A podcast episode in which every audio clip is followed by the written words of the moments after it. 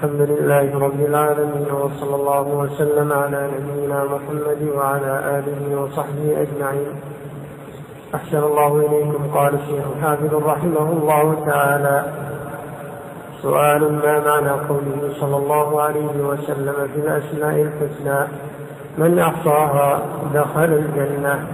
جواب قد فسر ذلك بمعاني منها حفظها ودعاء الله بها والثناء عليه بجميعها ومنها أن ما كان يسوغ الاقتداء به كالرحيم والكريم فيمدن العبد نفسه على أن يصلح على أن يصح له الاتصاف بها فيما يليق به وما كان يختص به نفسه تعالى كالجبار والعظيم والمتكبر فعلى العبد الإقرار بها والخضوع لها.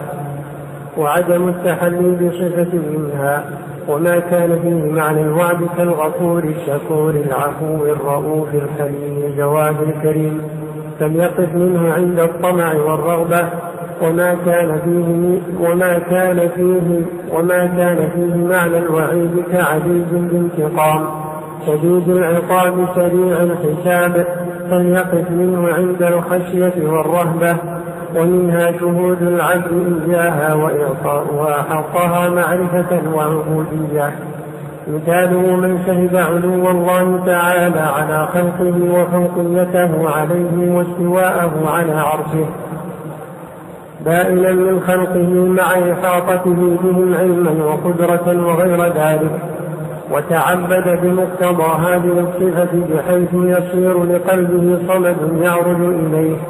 مناديا له مطرقا واقفا بين يديه وقوف العبد الذليل بين يدي الملك العزيز. فيشعر بأن كلمه وعمله صاعد إليه معروض عليه.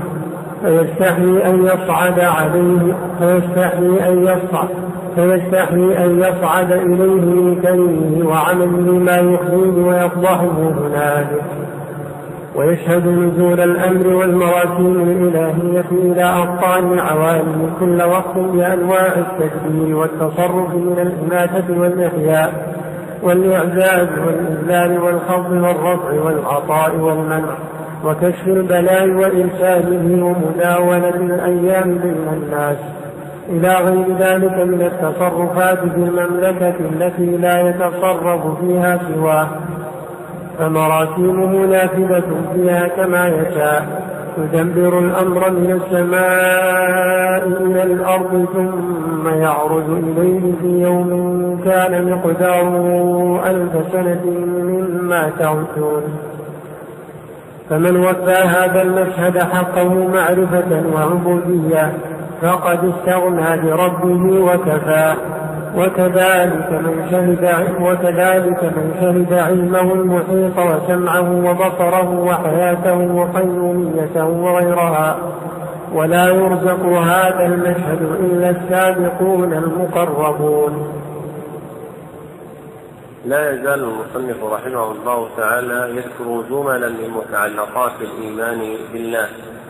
فإنه بين فيما سلف أن الإيمان مبني على ستة أركان. ثم شرع يبين تلك الأركان واحدا واحدا وابتدأ بيانه ببيان معاني الإيمان بالله عز وجل وأورد في ذلك أسئلة عدة حتى انتهى إلى الإيمان بالأسماء والصفات. وذكر مما يتعلق به سؤالا عن معنى قوله صلى الله عليه وسلم في الأسماء الحسنى من أحصاها دخل الجنة. أي في حديث أبي هريرة رضي الله عنه في الصحيحين إن لله تسعة وتسعين اسما من أحصاها دخل الجنة.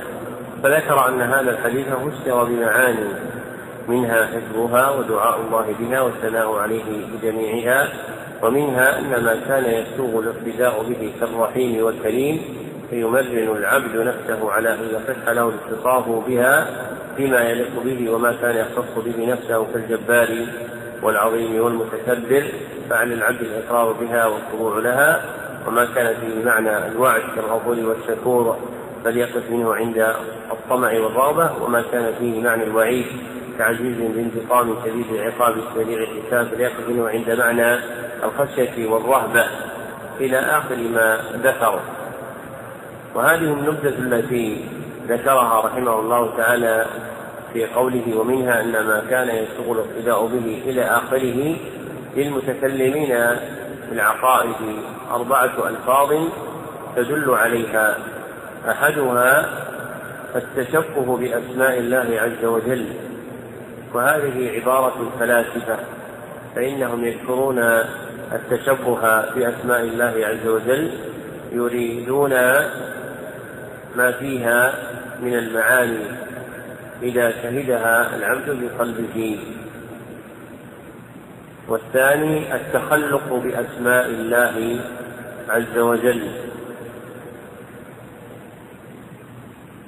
وهذه موجودة في كلام عدة من النظار من الإسلاميين المتكلمين في العقائد.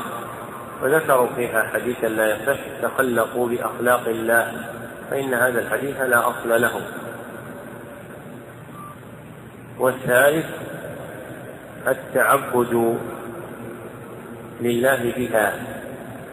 وهذه عبارة أبو الحكم وهذه عبارة أبي الحكم ابن برجان والرابعة دعاء الله بها. وهي التي اختارها ابن القيم في بدائع الفوائد بعد أن حكى الأقوال الثلاثة المتقدمة. فإنه حكى قولين الأولين عائدا لهما ثم استحسن ما ذكره أبو الحكم بن برجان ثم جعل أكمل منه أن يقال التعبد بها. والتعبد بأسماء الله عز وجل نوعان. أحدهما دعاء الله الذي ذكر ابن القيم واختاره دعاء الله بها ودعاء الله بها نوعان. أحدهما دعاء ثناء وعبادة والثاني دعاء طلب ومسألة.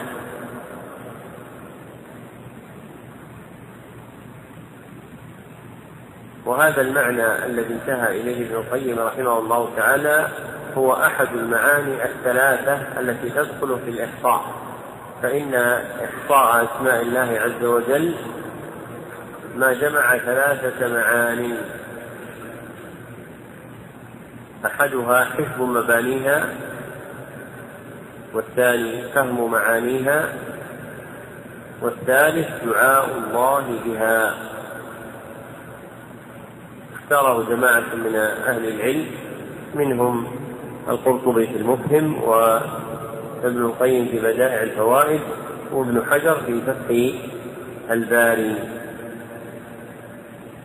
وكما ذكرت آنفا فإن المعنى الثالث وهو دعاؤه بها هو الذي جاء في ألفاظ الخطاب الشرعي فهو أولى من قول أبو الحكم من قول أبي الحكم بن مرجان التعبد بها وأولى من قول جماعة من المتكلمين في العقائد من الفرق الإسلامية التخلق بأسماء الله وقول جماعة من الفلاسفة التشبه بأسماء الله. وقول المصنف رحمه الله تعالى في أثناء بيان معنى التعبد لله بها والمراسيم الإلهية إلى أبطال العوالم المراسيم يقصد المكتوبات الإلهية فإن المرسوم بمعنى المكتوب. وهو اسم للمعظم كما يقال مرسوم ملكي فإنه أضيف إليه تعظيما. والمكتوبات الإلهية هي أوامر الله سبحانه وتعالى ومثل هذا يجري على وجه التوسع في البلاغة والبيان لا على وجه كونه صفة لربنا عز وجل. نعم.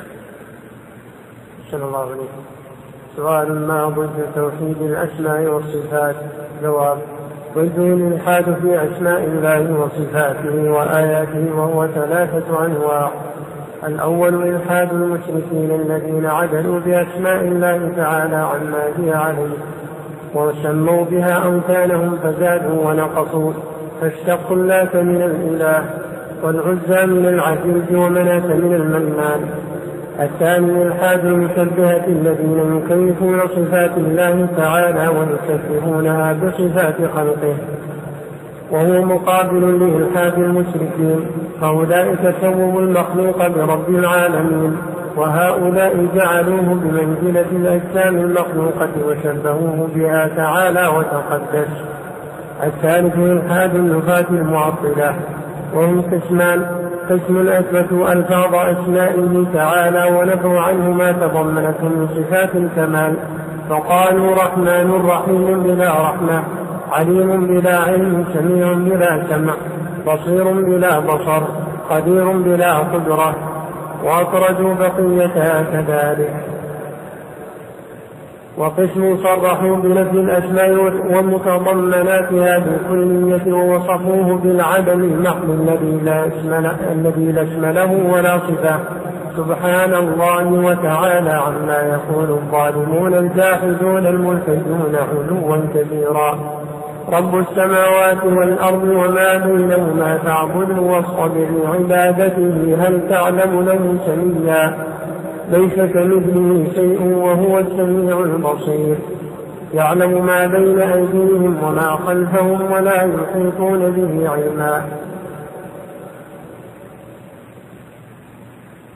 ذكر المصنف رحمه الله تعالى سؤالا يتعلق ببيان ما ينافي توحيد الأسماء والصفات ومنافيه هو ضده ولذلك وقع السؤال بقوله ما ضد توحيد الأسماء والصفات. فبين أن ضده هو الإلحاد في أسماء الله وصفاته وآياته. وهو المذكور في قوله تعالى وذروا الذين يلحدون في أسمائه والإلحاد في أسماء الله هو الميل بها عما يجب فيها. فكل ميل بأسماء الله عز وجل عما يجب فيها فهو إلحاد. وذكر المصنف رحمه الله تعالى أن له ثلاثة أنواع. الأول إلحاد المشركين الذين عدلوا بأسماء الله عما هي عليه وسموا بها أوثانهم. فاشتقوا اللات من الإله والعزى من العبيد ومناة من المنان. والثاني إلحاد المشبهة الذين يكيفون صفات الله يشبهونها بصفات خلقه. وهو مقابل لإلحاد المشركين. فأولئك سووا المخلوق برب العالمين وهؤلاء جعلوه بمنزلة الأجسام المخلوقة وشبهوه بها تعالى وتقدس. ثم ذكر الثالث وأنه إلحاد النفاة المعطلة وهم قسمان قسم أثبتوا ألفاظ أسمائه ونفوا عنه ما تضمنته من صفات الكمال.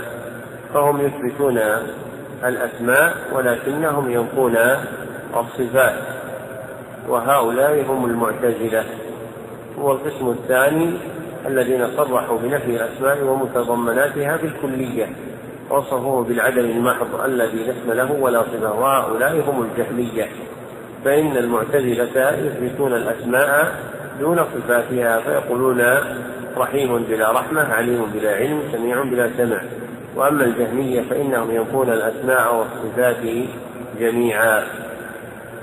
والمتكلمون في باب الإلحاد نوعوا طرائقهم في تقسيمه فمنهم من قسمه هذه القسمة ومنهم من قسمه قسمة خماسية كابن القيم في بدائع الفوائد.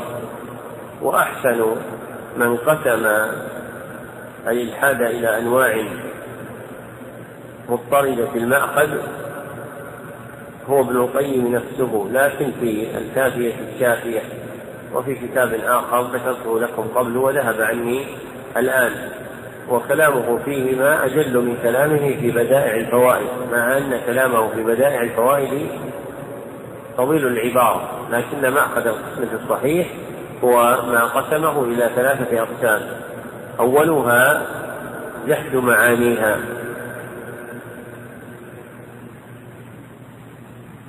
وثانيها إنكار المسمى بها.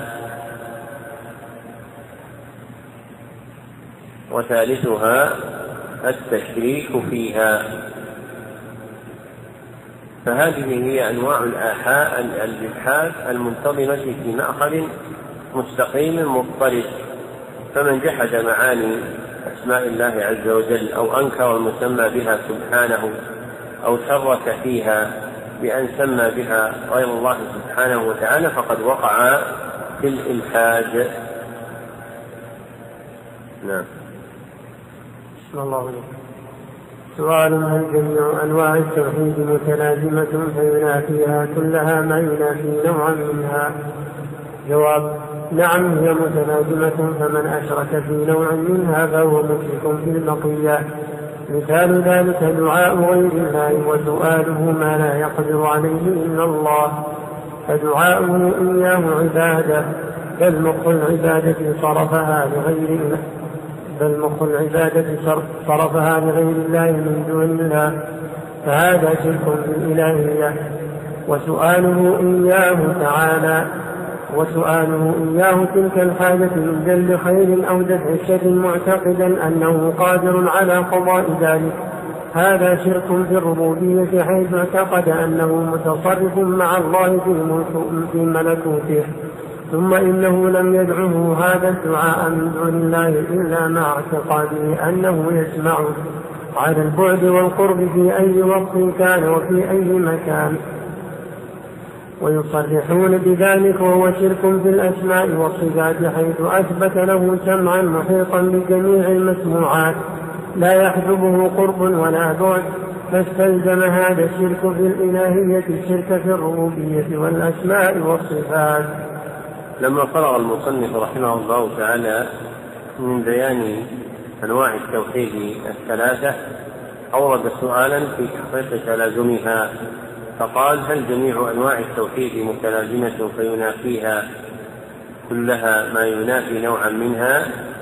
ثم أجاب عنه بقوله نعم هي متلازمة فمن أشرك في نوع منها فهو مشرك في البقية.